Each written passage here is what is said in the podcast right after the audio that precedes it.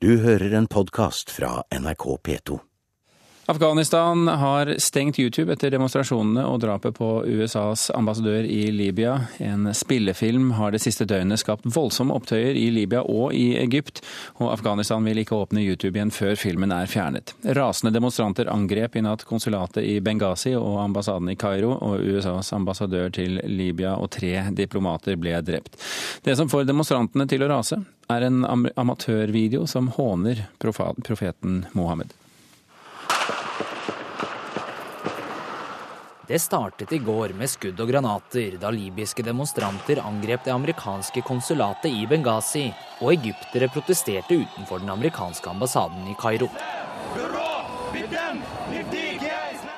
En amerikansk diplomat ble bekrefta drept i Benghazi i går, men i formiddag kom det fram at den amerikanske ambassadøren og til sammen tre diplomater ble drept ved konsulatet. Årsaken til angrepene skal være en film som latterliggjør profeten Mohammed. Osama bin Laden. He is not anybody else. He is our prophet. He is the best people, human in the world. Filmen det er snakk om, heter 'Innocence of Muslims'. Den er laget av israelsk-amerikanske Sam Basil, som holder til i Florida. Filmen er en spillefilm på rundt to timer og fremstiller Mohammed som en svindler som er glad i damer. For your knowledge, doctor, our prophet had 61 wives, 11 at the same time. He even had a girlfriend. I know, I have heard about it. Det er den 14 minutter lange traileren til filmen som er lagt ut på YouTube.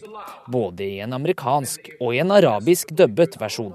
Filmen fremstår som banal, virker amatørmessig laget og prøver å latterliggjøre Mohammed i forskjellige situasjoner, bl.a. når han må putte ansiktet i skrittet på en kvinne.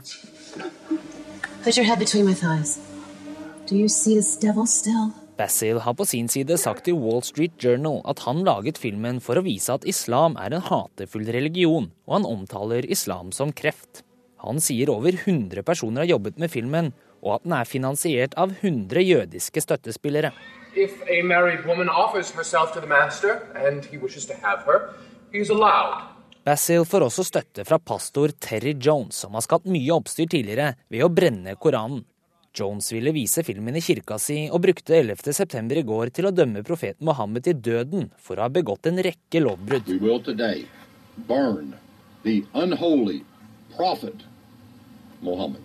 I dag har afghanske myndigheter stengt YouTube for å hindre opptøyer i landet. USA sender marinesoldater til Libya for å bedre sikkerheten. Og i ettermiddag snakket USAs utenriksminister Hillary Clinton. He risked his life to stop a tyrant hun hyllet de drepte og sa at ingenting kan rettferdiggjøre volden. But let me be clear. There is no justification for this. None. Reporter her, det var Torkjell Tredal. Lars Gule, forsker ved Høgskolen i Oslo og Akershus.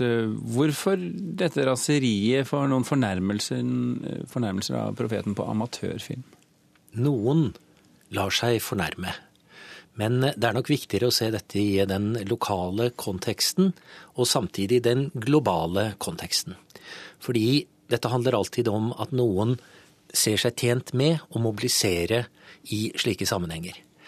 Og hadde ikke noen omkommet i demonstrasjonen i går og den etterfølgende brannen, så hadde dette blitt en liten notis. Nå er dette en stor sak fordi eh, mediene over hele verden forteller om det som har skjedd.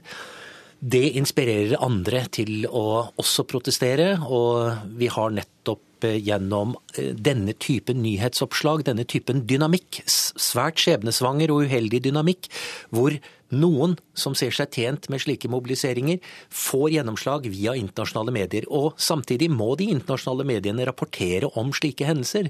Så her er det et, et ulykksalig eh, samspill mellom, eh, mellom to parter som, eh, som både vil ha nyheter, og som skaper nyheter.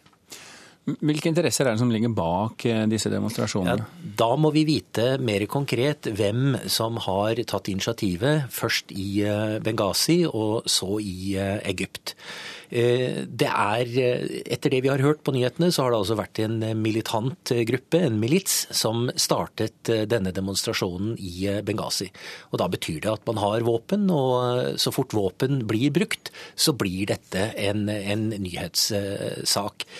Nå er det også slik at YouTube er tilgjengelig mange steder, og det gjør at en del flere kan ha hatt anledning til å se denne filmen. Og filmen er eh, både dårlig og fornærmende, så den kan ha eh, provosert. Men også i Egypt er det nok av grupper som eh, ser seg tjent med å vise hvor gode muslimer de er ved å protestere mot fornærmelser eh, mot profeten. Det er eh, ikke mulig å se nakne kvinner på YouTube. Burde man også sensurert eh, politisk dynamitt sånn som dette? Jeg mener eh, nei. Jeg mener vi skal ha en videst mulig eh, ytringsfrihet, inklusive ironi, også fornærmelser, religionskritikk osv. Så, videre. så jeg går ikke inn for at man skal sensurere YouTube. Men det forhindrer jo ikke at man har et ansvar eh, for å tenke gjennom konsekvensene av det som legges ut også på YouTube. Hvorfor skjer dette nettopp i Egypt og Libya? Ja, I Libya er situasjonen veldig uavklart etter eh, Gaddafis fall. Og vi har som sagt militante grupper som forsøker å demonstrere hvor gode muslimer de er. De har en agenda, delvis antiamerikansk, delvis handler det om å vise at de er en maktfaktor man må ta hensyn til eh, i landet, og delvis har de en genuin religiøs motivasjon for å handle på den måten de gjør. I Egypt er situasjonen noe av det samme. Det er alle, si, konkurrenter til Det muslimske brorskap som vil vise hvor eh, gode muslimer de er, og som også vil utfordre og skyve Det muslimske brorskap, som nå sitter med mye makt i Egypt, i en mer islamistisk eh, retning. Kommer dette til å eskalere? Det er veldig vanskelig å si. Det er avhengig av hvordan dette håndteres og takles eh, omkring i verden. Men vi så hvordan dette eskalerte i forbindelse med karikaturstreden. Eh, som forsker skal jeg være forsiktig med å spå, og så skal jeg heller prøve å forklare i ettertid. Men det finnes jo mange sånne filmer som ligger på YouTube. Hvorfor akkurat denne? Nettopp. Nei, det er det som er så forferdelig vanskelig å si. Og det er derfor jeg understreker at den lokale konteksten og dynamikken med nyhetsmediene nok er noe av det viktigste. Og det er når noen med våpen i hånd eh, demonstrerer og skyter, enten de skyter i lufta eller sender granater inn i en bygning, da blir dette en nyhetsverdig sak. Eh, og da fenger det på en helt annen måte enn når noen legger ut en, en film som ingen så å si registrerer. Tusen hjertelig takk, Lars Gule ved Høgskolen i Oslo og Akershus, for at du kom her til Kulturnytt. Eh, denne saken har også dominert eh, debatten på de sosiale mediene i natt og i går. Og debattredaktør i nrk.no, Halvor Finnes Tretvold, hvorfor det? Her ser vi hvordan sosiale medier kan fylle et informasjonsvakuum som oppstår når begivenheter skjer veldig raskt og man ikke vet, og det er eh, Man får hele alt fra de første øyenvitneskildringene via spekulasjonene om hva som er i ferd med å skje, eller hva som har skjedd, spekulasjonene om hvem som står bak, hvorfor, eh, hvorfor noen har kanskje oppmuntret til eh, vold osv. Og de første små analysene, spontane reaksjonene på, på drapet på ambassadør Christopher Stevens og tre andre amerikanske diplomater. Men hvordan arter dette seg underveis? Nei, Et konkret eksempel er jo uklarheten om hvordan ambassadøren ble drept. Eh, det har vært versert eh, historier om at han ble drept på innsiden av konsulatet. At han omkom som en følge av å ha pustet inn giftig røyk fra brannene som eh, var der. Det har blitt spekulert i at han ble skutt i en bil som var på vei enten til eller fra konsulatet. Og det har vært meldinger om at han at bilen hans ble truffet av en sånn granat rakettdrevet granat. Men, men, dette fremstår jo underveis som en slags nyhetsanarki? Ja, og jeg tror at eh, langt på vei er gjenkjennelig fra andre tilsvarende situasjoner, der hvor informasjonssuget er enormt, eh, der hvor det er øyenvitner til stede, der hvor eh, man forsøker å dele det man plukker opp av brokker og biter, eh, og hvor det ikke, jo ikke er den samme redaksjonelle kvalitetssikringen som i en avis eller et eh, radioprogram. Hvor stor trafikk har det vært på sosiale medier med denne spesielle saken? Det har vært eh, vanvittig stort. Jeg tror at også det har blitt forsterket av det faktum at det skjedde natterstid amerikansk tid her, sånn at amerikanske medier ikke heller rakk å være på ballen fra, fra første stund.